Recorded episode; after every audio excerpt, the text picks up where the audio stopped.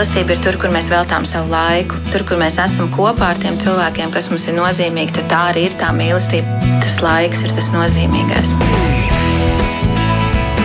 Mēs tiekamies ģimenes studijā.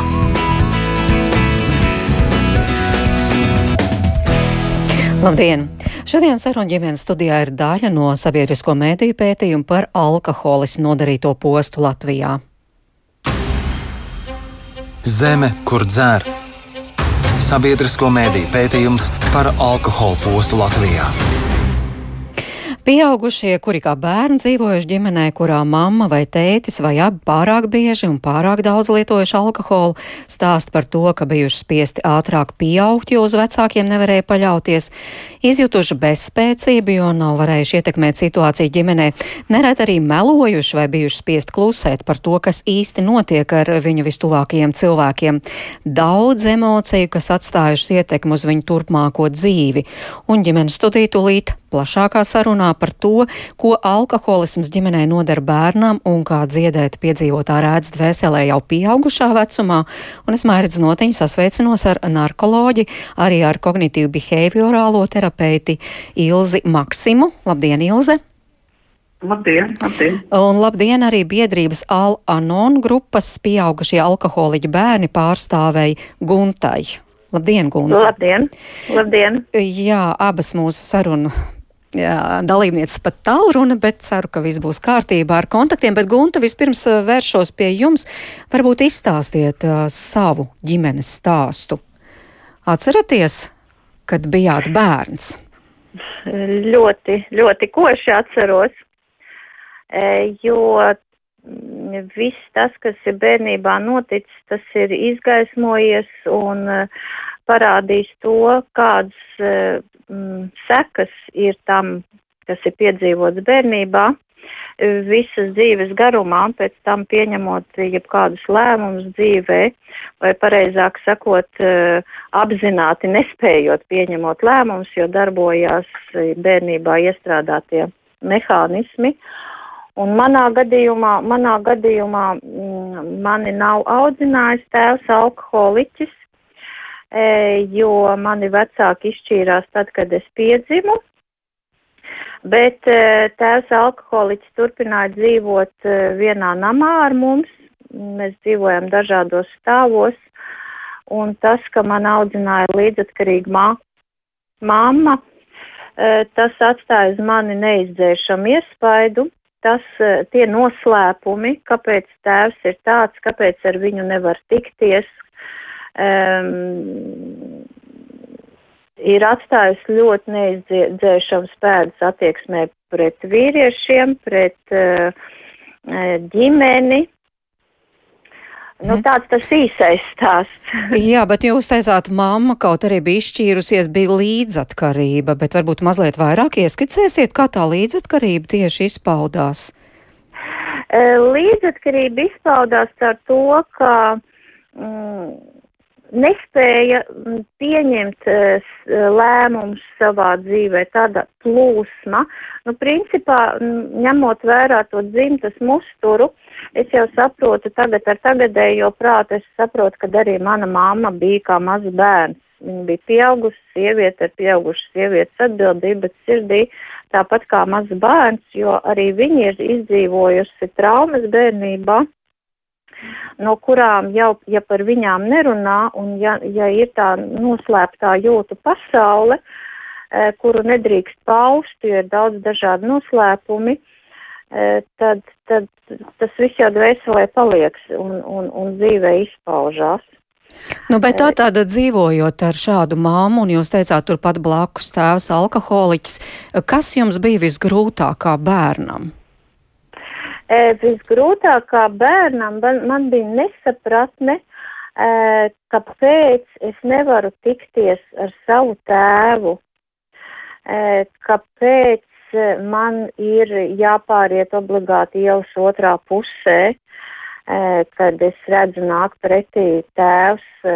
Nu, tie bija tik ārkārtīgi lieli noslēpumi, par kuriem es biju tik apjukusi, Un pēc tam redzot arī to, kā man, man pēc tam mamma veidoja attiecības e, tālāk, nu, nāca citi vīrieši alkoholiķi ģimenē, un, un, un, un es vienkārši neatpazinu šo, ka tas, tās ir briesmas. Es biju ieslēgusies, es biju pārbijusies, kas līdzi nes to, ka man visu dzīvi ir bijušas bailes no vispār autoritīvāk personām, jo tā bļaušana, kliekšana mājās, jā, tas viss ir atstājis milzu iespaidu. Bet jūs taču zinājāt, ka tas ir jūsu tēvs, vai ne? To jau jūs es zinājāt. Zināju, bet, eh, bet eh, es nedrīkstēju, man bija stingri nolikti uh, nu, nolikta barjera, ka es nedrīkstēju tikties ar savu tēvu, jo viņš jau, nu, tā kā ir nodevējis, jā, viņš ir nodevis mūsu, mūsu ģimeni, jā, viņš nav pārtraucis dzert un, un viņš turpina dzert.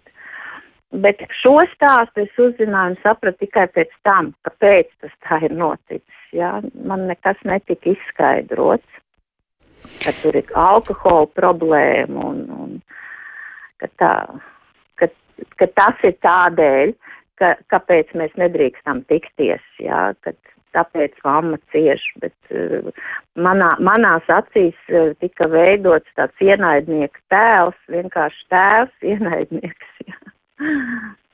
Jā, vēršos pie Ilzas Maksimas. Nu, tik tālu Gunta ieskicēja tās savas bērnības atmiņas, bet nu, šādās situācijās, ka bērns dzīvo kopā ar mammu vai tēti, kāds no viņiem, vai varbūt abi alkoholiķi, kā visbiežāk bērns jūtas, kas ir viņam visgrūtākais? Jā, paldies Guntai par stāstu. Tas ir ļoti drosmīgi, jo piedzīvotājs ir pat vārdos neaprakstāms pārdzīvojums un trauma. Uh, paldies, ka to aktualizējat. Uh, bērnam noteikti ir grūti, uh, un grūti ir tādēļ, ka cietēji šeit ir pilnīgi visi, vienīgi izpausmes veidi, kā nu kurš sevi glābi vai, vai spēj attainot problēmu ir dažādi. Un, ja mēs runājam par atkarību, viena lieta, mēs to varam definēt kā psihiskus traucējumus, uh, vielas lietošanas dēļ, kur veidojas gan dažādi, uh, nu, teiksim, uzvedības um, un, un uh, arī fiziskās veselības traucējumi, bet pamatā mēs varam runāt arī par psihoemocionālo stāvokli un varam runāt un saukt atkarību kā jūtu slimību, jo uh, viss, ko arī Gunta raksturoja, uh, saistās ar emocijām, ar emocijām, ko cilvēks piedzīvo, uh, ko piedzīvo uh, pieaugušais cilvēks, kuram ir attīstījusies atkarība vai kāda no atkarības formām, šajā gadījumā uh, līdzatkarība, un uh, šis vecāks veido nākamās attiecības, partnerattiecības un, un piedzimst bērni, un uh, šī slimība būtībā tiek nodota nākamai paudzei. Un uh, jau, ko es arī sadzirdēju, šie galvenie likumi, kas uh, strādā vai kas pamatā ir nerunāt, nejust, par jūtām tieši trūkst informācijas, uh, kas vispār notiek, uh, tāpēc cilvēki arī nu, nonāk sūtās un mm, pēc tam ārstēs, lai vispār iepazīst savas emocijas. Noteikti arī netici vai tieši tā, ka ir jāmelo kaut kas, lai sasniegtu vēlamo šķietamo aizsardzu pozīciju. Uh, un uh, neko nedarīt, lai tā laiva nešūpotos vēl vairāk, lai neviens neko neredz un uh, lai nekas nebūtu jāmaina, jo nav saprotams, kas jāmaina un nav saprotams, um, kā es jūtos, vai ir labi vai slikti un ar ko es sagaidu. Nu, šī, šis ir tāds nu, aprakstošs uh, uh, apzīmējums uh, atkarībai, līdzatkarībai vai arī bērna esamībai šādā ģimenē. Nu jā, bērnam varētu teikt, ir vēl grūtāk, jo faktiski bērns jau ir bezspēcīgs. Nu īpaši, ja tas kaut kā tiek noslēpts, noklusēts, neviens tā kā īsti nezina, kas tur notiek, bet bērnam pašam, vienam pašam ar to ir jātiek galā. Jā, piekrītu, un te arī veidojās šis traģiskums un traumatizācija, deformācija. Uh, jo šī ģimene ir disfunkcionāla, tātad uh, viņā uh, nevalda šis līdzsvars starp emocijām, kas ir pilnīgi normāls, ar dusmām, sāpēm, arī šo te vieglumu, rotaļīgumu vai um, nu, bezbēdīgumu, uh, bet šeit ir um, nu, tāda deformācija par labu kādai no sajūtām. Un visbiežāk uh, līdzatkarība un, un atkarību tēma saistās ar vainas sajūtu. Un ja mēs vispār runājam, kas ir vainas sajūta, tā ir um, sajūta, kura ir veidojusies iztēlē, jo es nezinu, kas ir vainīgs. Un te visbiežāk te jau mēs jau saprotam, ka veidojās tā attīstība ļoti agrīna bērnībā, ka man neviens nepaskaidro, man neviens nepasaka, no kā uh, tas pieaugušais tieši vai kāpēc viņš man dara pāri, vai, uh, nu, vai arī viņš to pasniedz tā, ka es esmu vainīgs un bērnam nav iespēja to analizēt vai, vai gūt apstiprinājumus. Tas nāk kaut kad ar gadiem, kad attīstās šī kritiskā domāšana un nāk palīgā uh, atbalsta mehānismi, terapija, jā, kad veidojās izpratni, kas tad īsti, ko es īsti esmu piedzīvojis un kas, uh, kas manī nu, ir attīstījies, ar ko man tagad jāsadzīvo. Bet bērns tiešām attīsta savu izdzīvošanas prasmi Un, ja ir kāda emocija, kas ir fonā, um, kā piemēram vainas sajūta, tad vienmēr tiek pakārtota arī šī uzvedība. Tātad uh, es turpinu atbilst šim modelim un, un veidoju jaunas skaidras prasmes, kuras nostiprinās manā arī nu, garozā, ko es daru. Un citreiz pat ilgi cilvēks neuzdod jautājumu, kāpēc es tā daru. Un, un tas var būt pat aizsniedzis tālāk arī kritiskā brieduma vecumā, bet cilvēks nemeklē atbildes vai, vai nes, nesaklausa tās, vai nesāk šaubīties par to, vai kāpēc es esmu pār atbildīgs vai uh, esmu perfekts.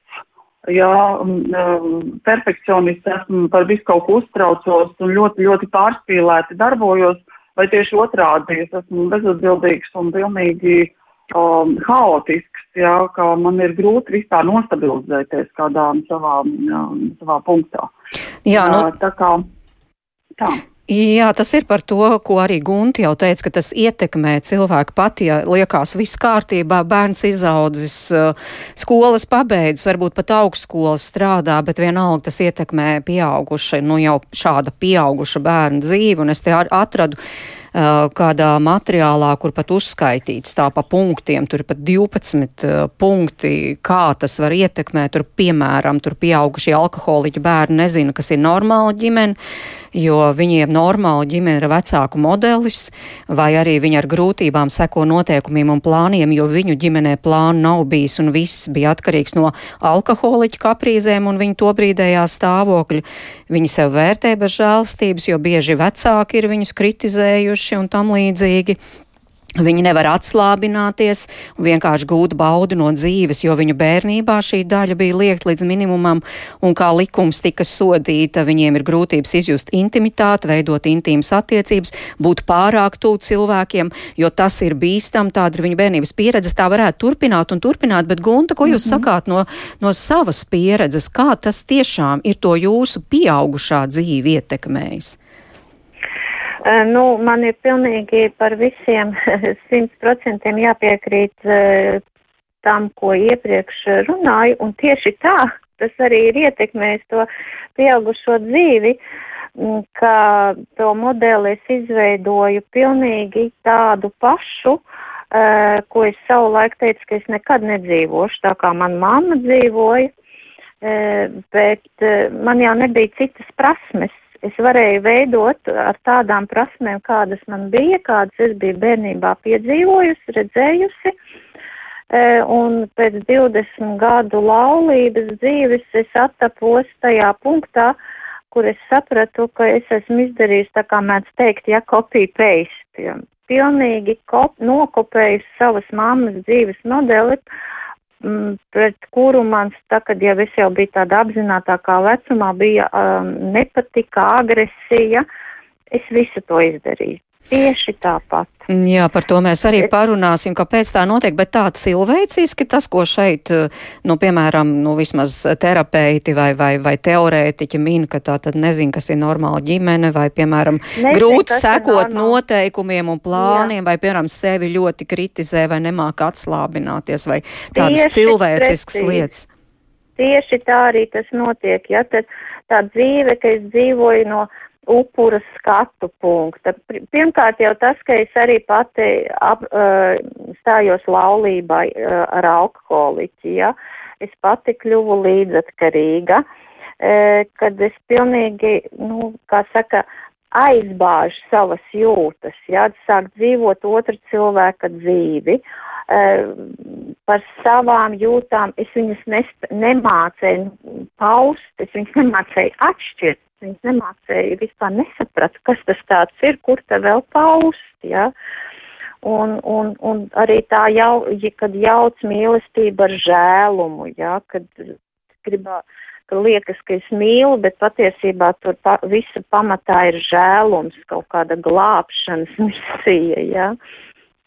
Un, un, teiksim, manā gadījumā bija arī ļoti liela atbildības sajūta, perfekcionisms, ja, ka visam jābūt, es biju, u, nu, atkal tāds, tāds vārds uzķūnējusi, jā, savu ģimenes modeli kā ideāli, no malas viss izskatījās ideāli, līdz vienā mirklī es sapratu, ka manis vispār nav kad tad, kad man bija visplašākais loks apkārt, man likās, ka bija tik sociāli aktīva ģimene, man ir trīs dēli, uh, vīrs bija viss, un es stāvu pie logu, un es saprotu, cik ārkārtīgi vientuļi es jūtos. Es nekad dzīvē neesmu pēc tam jau, kad es sāku risināt šīs problēmas, uh, es nekad dzīvē neesmu jutusies uh, tik vientuļ, kā es jutos tieši tad, kad man bija visvairāk cilvēku apkārt. Nu jā, tā kā trūkst tās laikam tās emocionālās saiknes, jā, ar cilvēkiem. Trūkst emocionālās saites, trūkst piederības sajūtas, trūkst pašapziņas, trūkst, uh, nu, viss ir, var teikt, viss bija ar lielāko tiesu, bija ar mīnusiem. Klausīt. Tās pašapziņas nav. Jā, klausītāji tiešām arī aicināti iesaistīties, varbūt būsit tik drosmīgi, uzrakstīsit arī mums šeit uz ģimenes studiju savas, savu piedzīvoto, savas emocijas. Mums, piemēram, klausītāja Daina raksta, jums nav pamata zināšana par alkoholu, tādēļ tikai pļāpājat. Ilze Maksima, vai tā var teikt, ka mēs tikai pļāpājam tagad, un, un tā ir tikai kaut kāda tāda skaista teorija, ko mēs te tagad klāstam? Vai tā ir dzīve tomēr? Uh, nu, es, uh, ko es saprotu no šāda komentāra, ka cilvēks uh, dusmojas. Un uh, dusmas arī ir emocijas, kuras ir uh, normālas. Uh, uh, un uh, viņa, viņu loma uh, šo šo emociju loma noteikti ir ar kaut ko saistīta.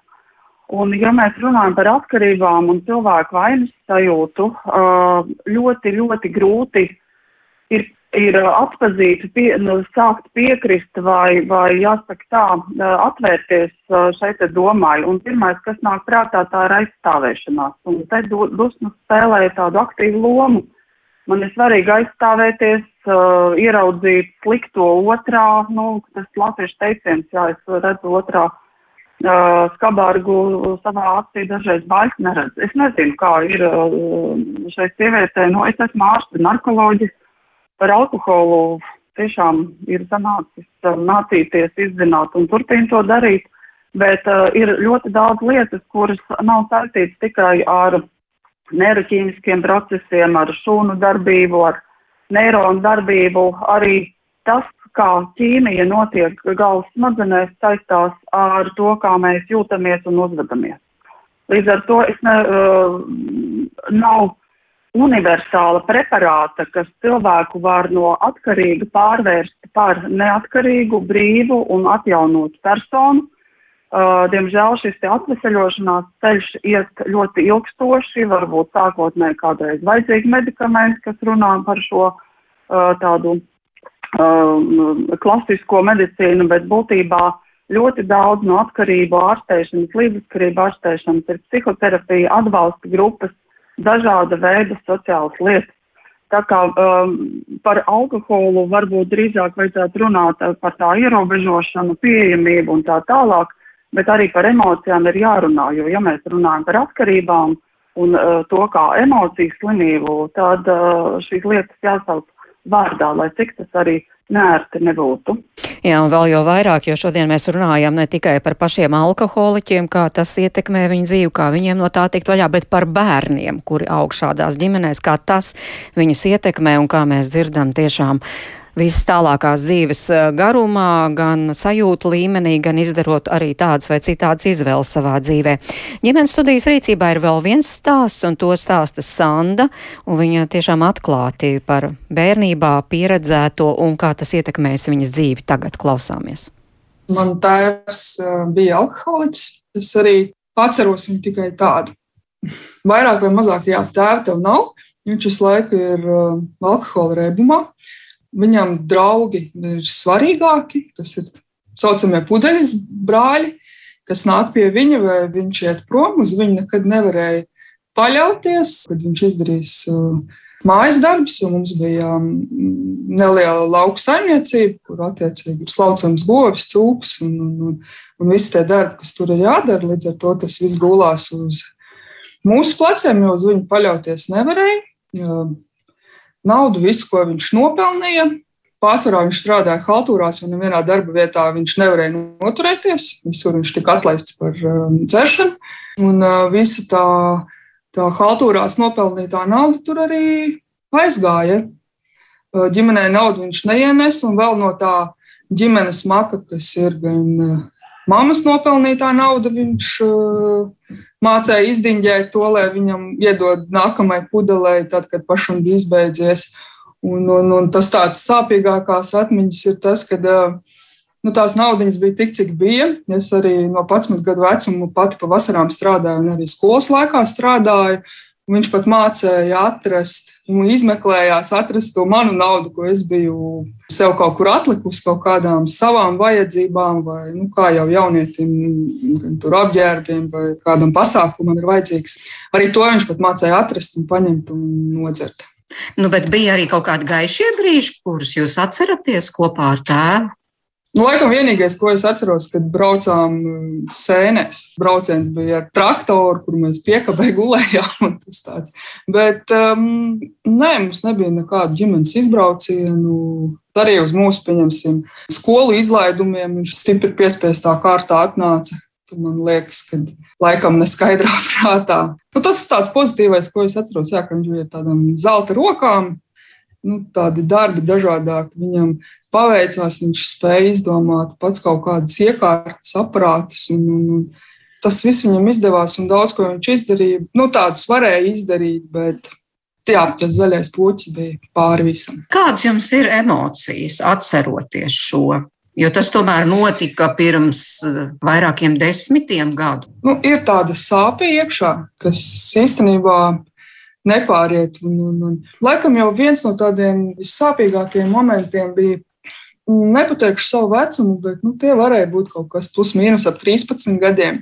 Kad es savai mātei teicu, ka ejam prom, nu, tā nav normāla dzīve. Un, un, un māte uz to man atbildēja, ka nu, nē, taču tas ir jūsu tēvs, nu, tā, tā nevar iet projām. Bet tas, ko es viennozīmīgi zinu, kad uh, aizejot, eh, varbūt tā dzīve vieglāka nebūtu un, un būtu sākotnēji grūti, bet viņa būtu bijusi daudz labāka, daudz mierīgāka nekā izvērtās tie gadi, kamēr mēs visi tur kopā dzīvojām. Nu, bet to laiku, kad jūs kopā dzīvojāt, kādas bija tās emocijas, jūsu emocijas par to? Eh, dusmas, jā, viennozīmīgi, jo nu, tas viss varēja būt savādāk. Manī tas vairāk radīja tādu ieraušanos sevī, sevis um, nenovērtēšanu.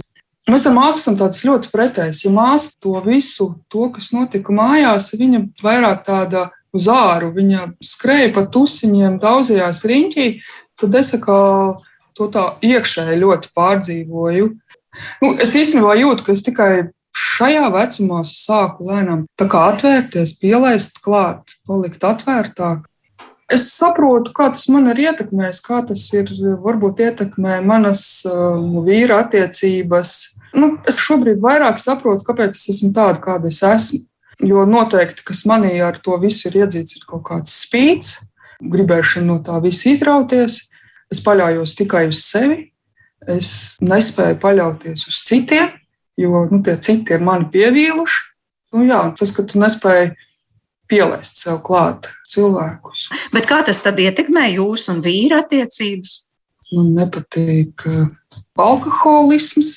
Iedzert balītē vienreiz tur, tur šad, tad tas ir pavisam kaut kas cits, bet ja tas notiek tā pārāk regulāri un bieži, un, un, un kāds niķis mēdz būt arī manam vīram, ar ko mēs cīnāmies, jo viņš ļoti labi zina, ka es to neatbalstu un neatbalstīšu.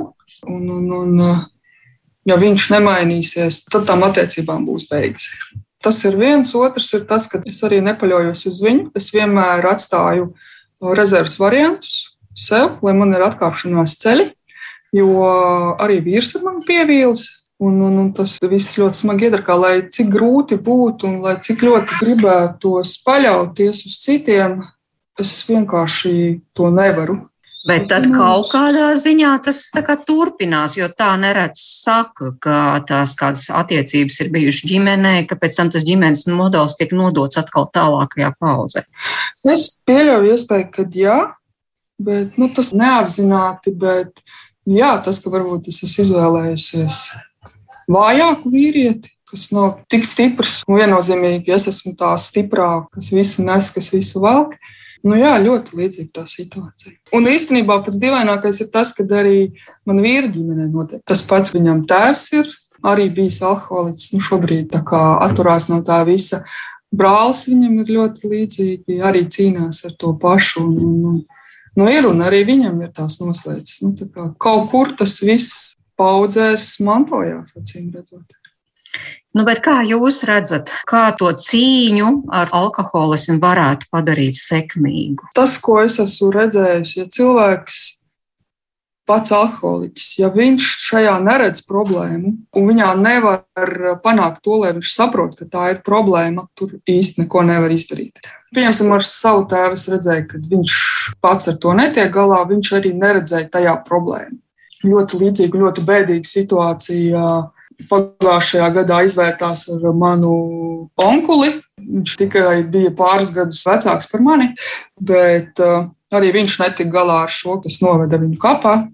Un ļoti daudzi mēs mēģinājām viņiem visādāk palīdzēt. Bet, ja cilvēks pats to negrib, nu, tur nevar palīdzēt. Un šajā gadījumā ar savu vīru nu, es viņam uh, noteicu ultimātu, ka viss, vai nu tu kaut ko dari un, un izbeidz šo, vai mūsu attiecības beidzās. Tikai tajā brīdī viņš saprata to, ka uh, ir kaut kas jādara, un viņš dara, un līdz ar to tas viss mainās. Bet kamēr es viņam tikai tā šādi tad teicu, ka man tas nepatīk, un ka tas jau paliek par traku vai par daudz, vai nu, tas ir nepanesami, tad uh, nu, uztvēru nenopietni to visu. Kamēr viņam neizveidojās tāda galēja situācija, kas var mainīt uh, ļoti krasi visu. Un tad tajā brīdī tas acis atverās un saprot, ka ir jāmaina kaut kas. Vai nu tu mainies un iegūsti, vai, vai nu tu zaudē visu. Tas, ko es noteikti gribu uzsvērt, ka nekad nevajag uh, palikt kopā, it sevišķi vēl vairāk šādās uh, ģimenēs, dēļ bērniem. Tas noteikti nav iegūms bērniem. Un um, maz druscietiņi varbūt ar laiku veidojās tāds rūkums pret to vecāku, kurš neizdarīja to soli un neaizgāja. Kad ne tikai pret to, kas darīja to ļauno, bet arī pret to otru vecāku rodās tas rūkums. Tāpēc nekādā gadījumā, jā, varbūt tā šķiršanās būs sāpīga, bet noteikti tas būs labāk nekā palikt šajā ģimenē kopā un mocīsies visi tur. Bet jūs pati tad esat tomēr ar visu šo tikusi galā, vai tā ir tāda sāpe, kas joprojām iet jums līdzi? Es domāju, ka es līdz galam neesmu tikusi ar to galā. Šobrīd es apmeklēju arī psihoterapeitu, un, un, un, un tās tēmas vēl jau vairāk ir pacēlušās augšā, kas saistās atkal ar, ar, ar manu laulības modeli. Un, un, un attiecībām un, un visu kopā, laikam nav līdz galam tas cikls noslēdzies.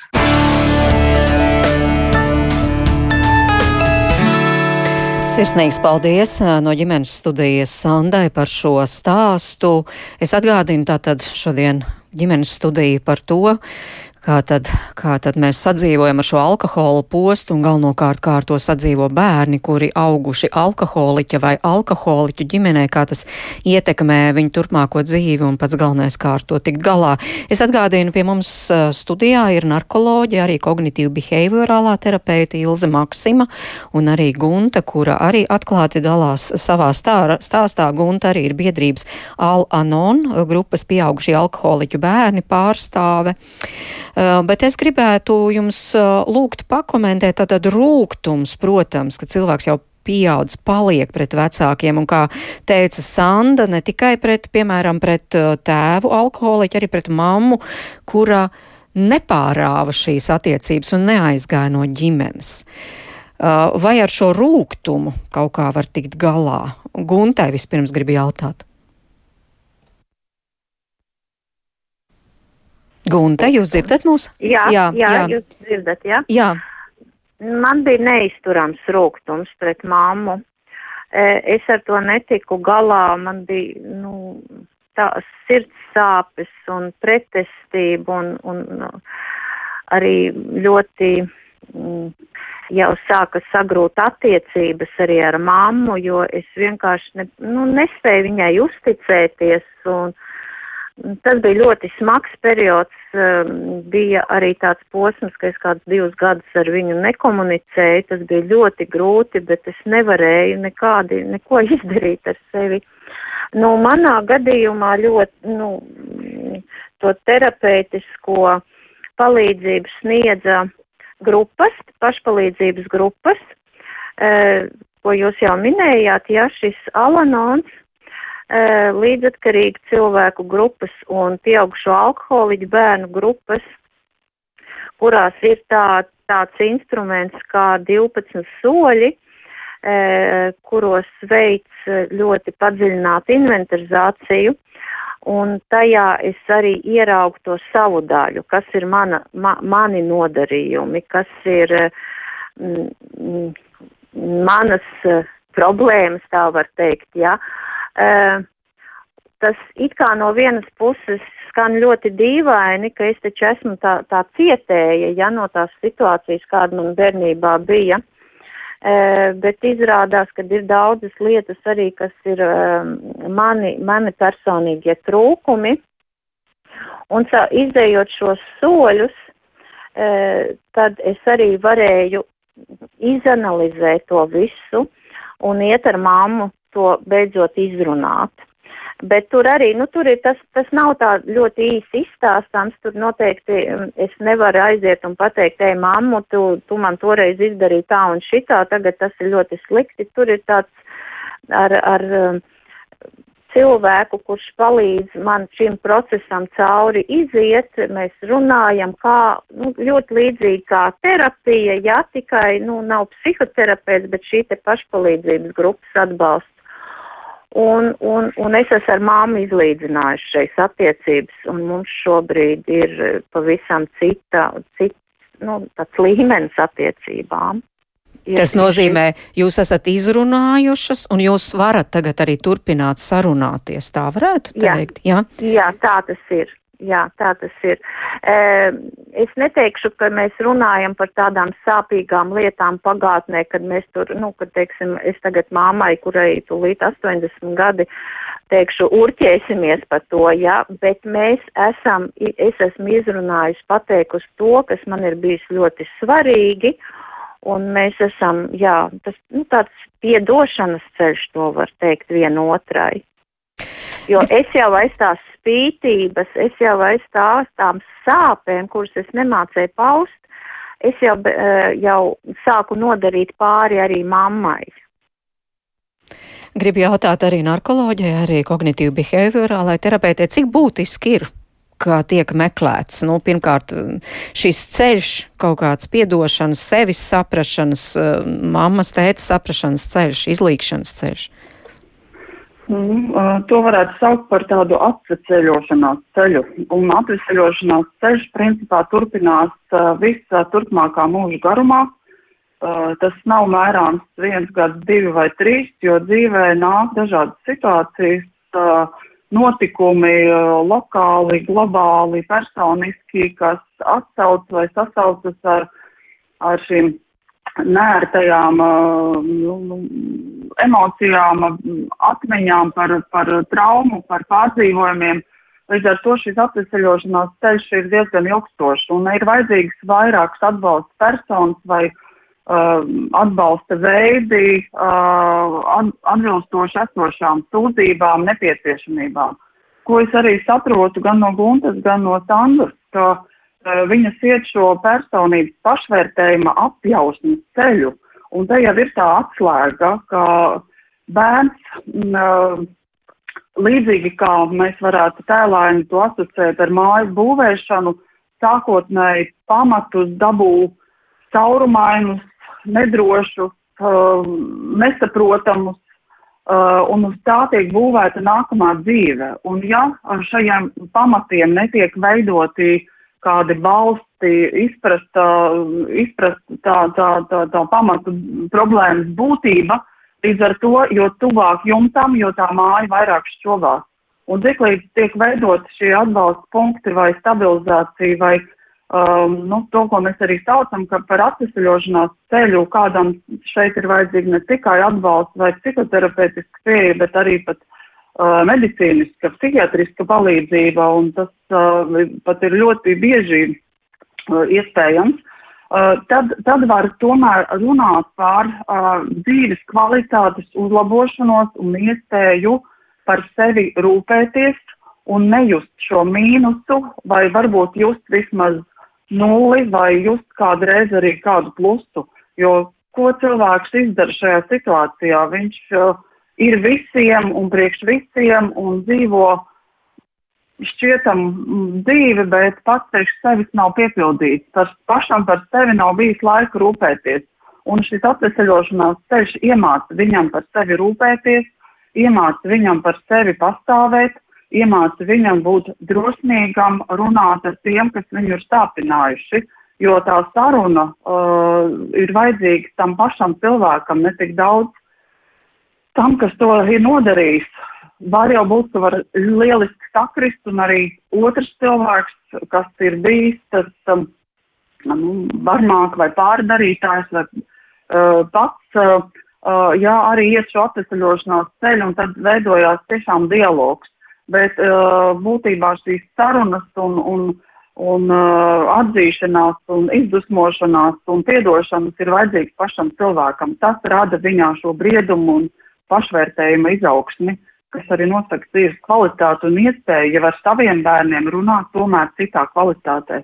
Un tas ir tas, ar ko uh, liktos runājam, par ko mēs runājam, nav ne taustāms, ne izmērāms, bet tieši šī runāšana par emocijām, par to, kā, kas man sanāk, kas man nesanāk, ka es varu kļūdīties un būt pilnīgi apjutis un nesaprast, ko darīt, bērnam rada iespēju uh, uh, nu, jāsaka tā, nebaidīties, kļūdīties vai nebaidīties paust savas domas, jo visiem tā gadās un visiem tā ir gadījies. Un visiem tā gadīsies. Un tieši tāpēc mēs esam cilvēki, uh, jā, kuriem tā ir, bet vienmēr mums ir iespēja nu, pārdomāt, mainīties, būt, uh, spēt ietekmēt uh, procesu gaitu kaut vai par vienu grādu, bet perspektīvā ilgtermiņā mēs tomēr nonākam citā, citā punktā. Ja mēs neko nedaram, tad mēs nekur citur kā bezdebenī nenonākam, jo tas ceļš tad ved uz leju. Nu jā, šis ir tas stāsts tiešām par tiem laimīgajiem gadījumiem, ka, ka notiek tā apzināšanās un, un uh, meklēšana, sevis atrašana un, un, un, un spēja arī uzsākt citādu dzīvi, bet bieži vien jau tas iet pa apli kā mēs arī gan dzirdējām Sandas stāstā, gan Gunti, jūs arī teicāt, faktiski jūs at, kaut vai jūs negribējāt, bet atkārtojāt to, to savu uh, ģimenes modeli, arī izveidojot savu ģimeni, un mums arī klausītāji Aija raksts šobrīd klausos jūsu raidījumu, klausos un dzirdu stāstu par sevi. Man ikdienas uh, viena no galvenajām domām, kā šo apli pāraut. Esmu uzaugusi alkoholiķa ģimenē, šobrīd manā ģimenē arī ir alkoholiķis, kam ir pakārtota visa emocionālā un fiziskā dzīve. Tas ietekmē, protams, mani un manus bērnus, un es aktīvi domāju un gribu pāraut šo apli. Vai es varu lūgt padomu, kur meklēt mums līdzatkarīgajiem palīdzību, kur mums meklēt? Psihoterapeitu palīdzību, kas tiešām varētu palīdzēt mums. Vispirms, ka varbūt paskaidrojiet, Ilzi, arī kāpēc iznāk tas aplis, kāpēc negribot, tomēr tiek bieži vien atkārtots šis dzīves modelis. Nu, kā jau minēju, pa, pa, pašos pamatos veidojās daudz dažādas negatīvas pārliecības par sevi, par to, kas es esmu kā cilvēks, kas ir tikko uzsācis šo dzīves taku, un, un līdz ar to šīs pamat pārliecības, viņas kā tādi pamat postulāti, uh, jā, nāk cauri dzīves garumam, dzīves stāstam. Un ar to tiek pakārtotas daudz tādas nianses. Un līdz ar to uh, uh, nu, dzīves uzvedības nianses, tāda režīma, kā cilvēks varbūt uh, dzīvo un strādā un, un, un uh, veido kontaktus ar citiem cilvēkiem. Bet, uh, kā jūs um, saprotat, te jau ir um, tā, tā, tā būtība, mēs uh, informējam vai stāstam par to uh, kopumā, kādi ir šie vērojumi, bet šis individuālais stāsts un atveseļošanās un palīdzības meklēšana uh, ir jā, jāskatās tiešām pēc uh, paša cilvēka vajadzībām, kāpēc arī ir gan grupas, gan arī individuāla palīdzība ir jāmeklē.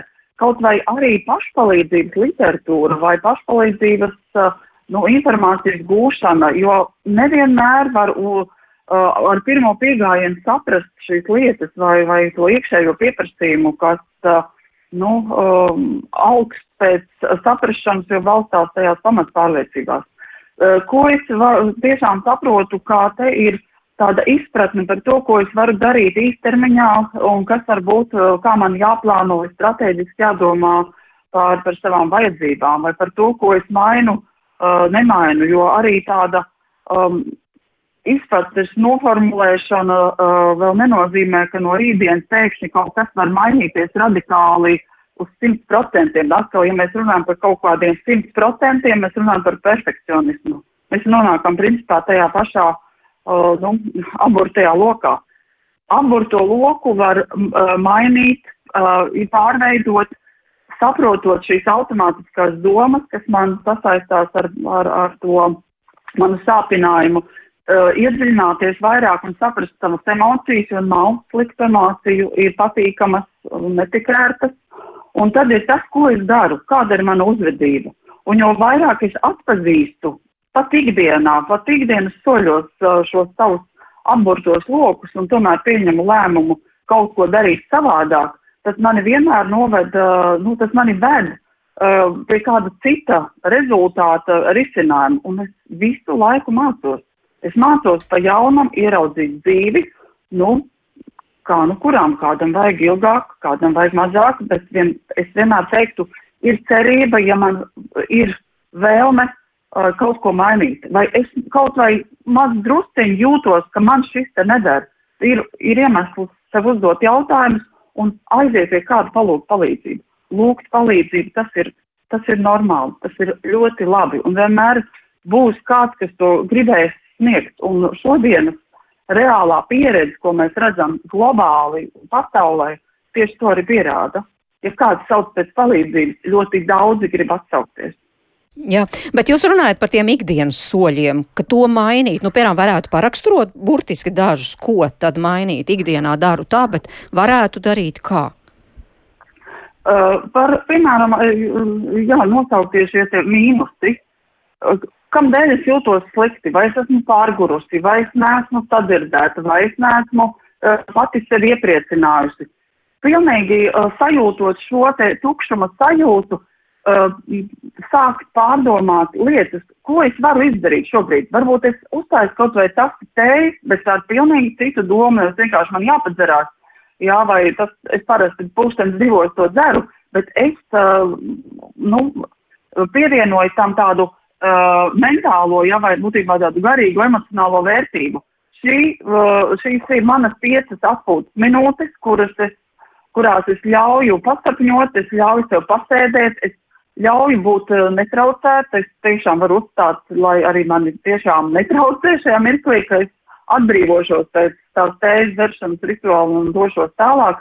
Uh, kaut vai tā, uh, kaut vai arī tādas uh, mirkļi uh, apsēsties, palasīt grāmatu, informēt pārējos, ka jums ir plāns par to, kā jums tagad būs laiks priekš jums, un šis laiks, uh, nu, jāsaka tā, tomēr ir vairāk neaizskarams uh, parūpējuties par to. Tas nenozīmē, ka uzreiz tiek no ārpuses arī tas pieņemts. Nu, kaut kur višķiņi ir jā, jāpiemēro šī noteiktība, jā, ka tas man ir vajadzīgs, jo tiklīdz arī apkārtēji pārliecinās, ka jums veltot savu laiku un parūpējoties par sevi pat ikdienā un mazinot slodzi, jūs atgriežaties uh, absolūti uzlādējusies. Nu, ir, tas, tas, nu, tas ir dabisks process.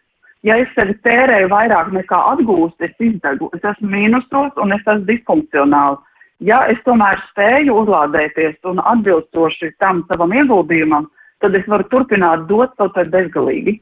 Jā, Guntai arī gribēja jautāt, Gunta, no jums es sadzirdēju, tātad jums arī līdzīgi, bet jūs esat spējusi pārcirst to loku, loku savā ģimenē, mainīt notikumu gaitu?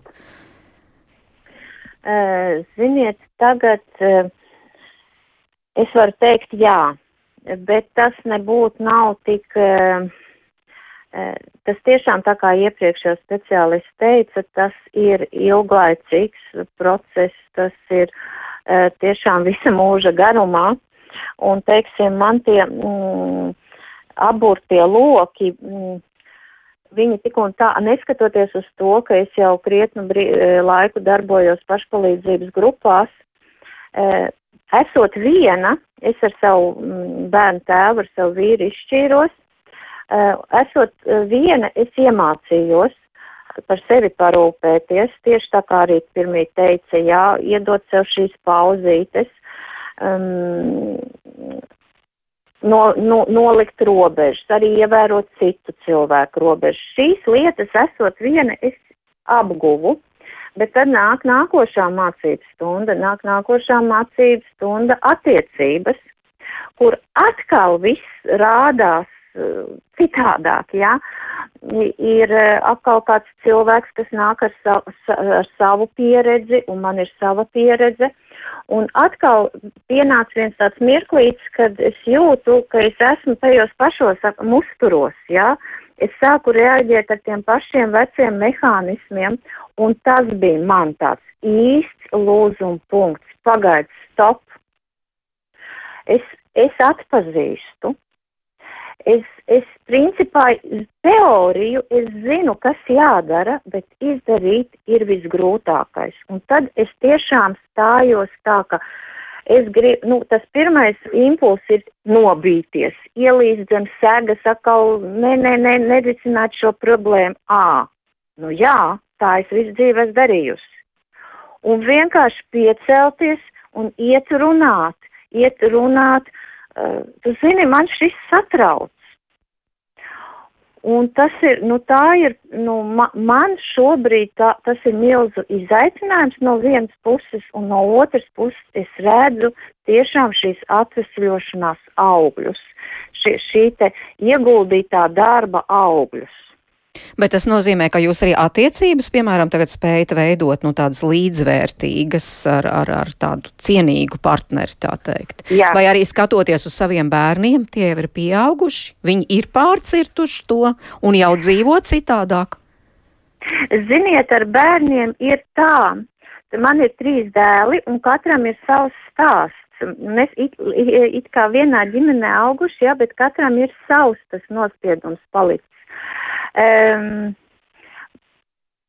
es ne, um, es neteikšu, ka viņiem ir pilnīgs prasmes veidot ļoti veselīgas attiecības, bet labā ziņa ir tā, e, ka mēs esam ar, viņu, ar viņiem izrunājuši to, ko arī es esmu arī mm, atvainojusies par tiem nodarījumiem, ko es savā dzīvē, ko es esmu izdarījis viņa dzīvē, jo tāpēc, ka, uh, lai cik akal absurd tas neliktos, Mm, līdzatkarīgs e, cilvēks ģimenē mēdz izdarīt daudz lielāku postījumu kā e, šis atkarīgais cilvēks, jo atkarīgajam cilvēkam viņam, nu, tad vismaz ir redzams, nu, tētis atnāca vai mamma atnāca piedzērusies, nu, tad vai nu ir jāmūk vai, vai tagad viņš būs labiņais, bet, bet es bez vielām sāku plosīties, jā. Ja?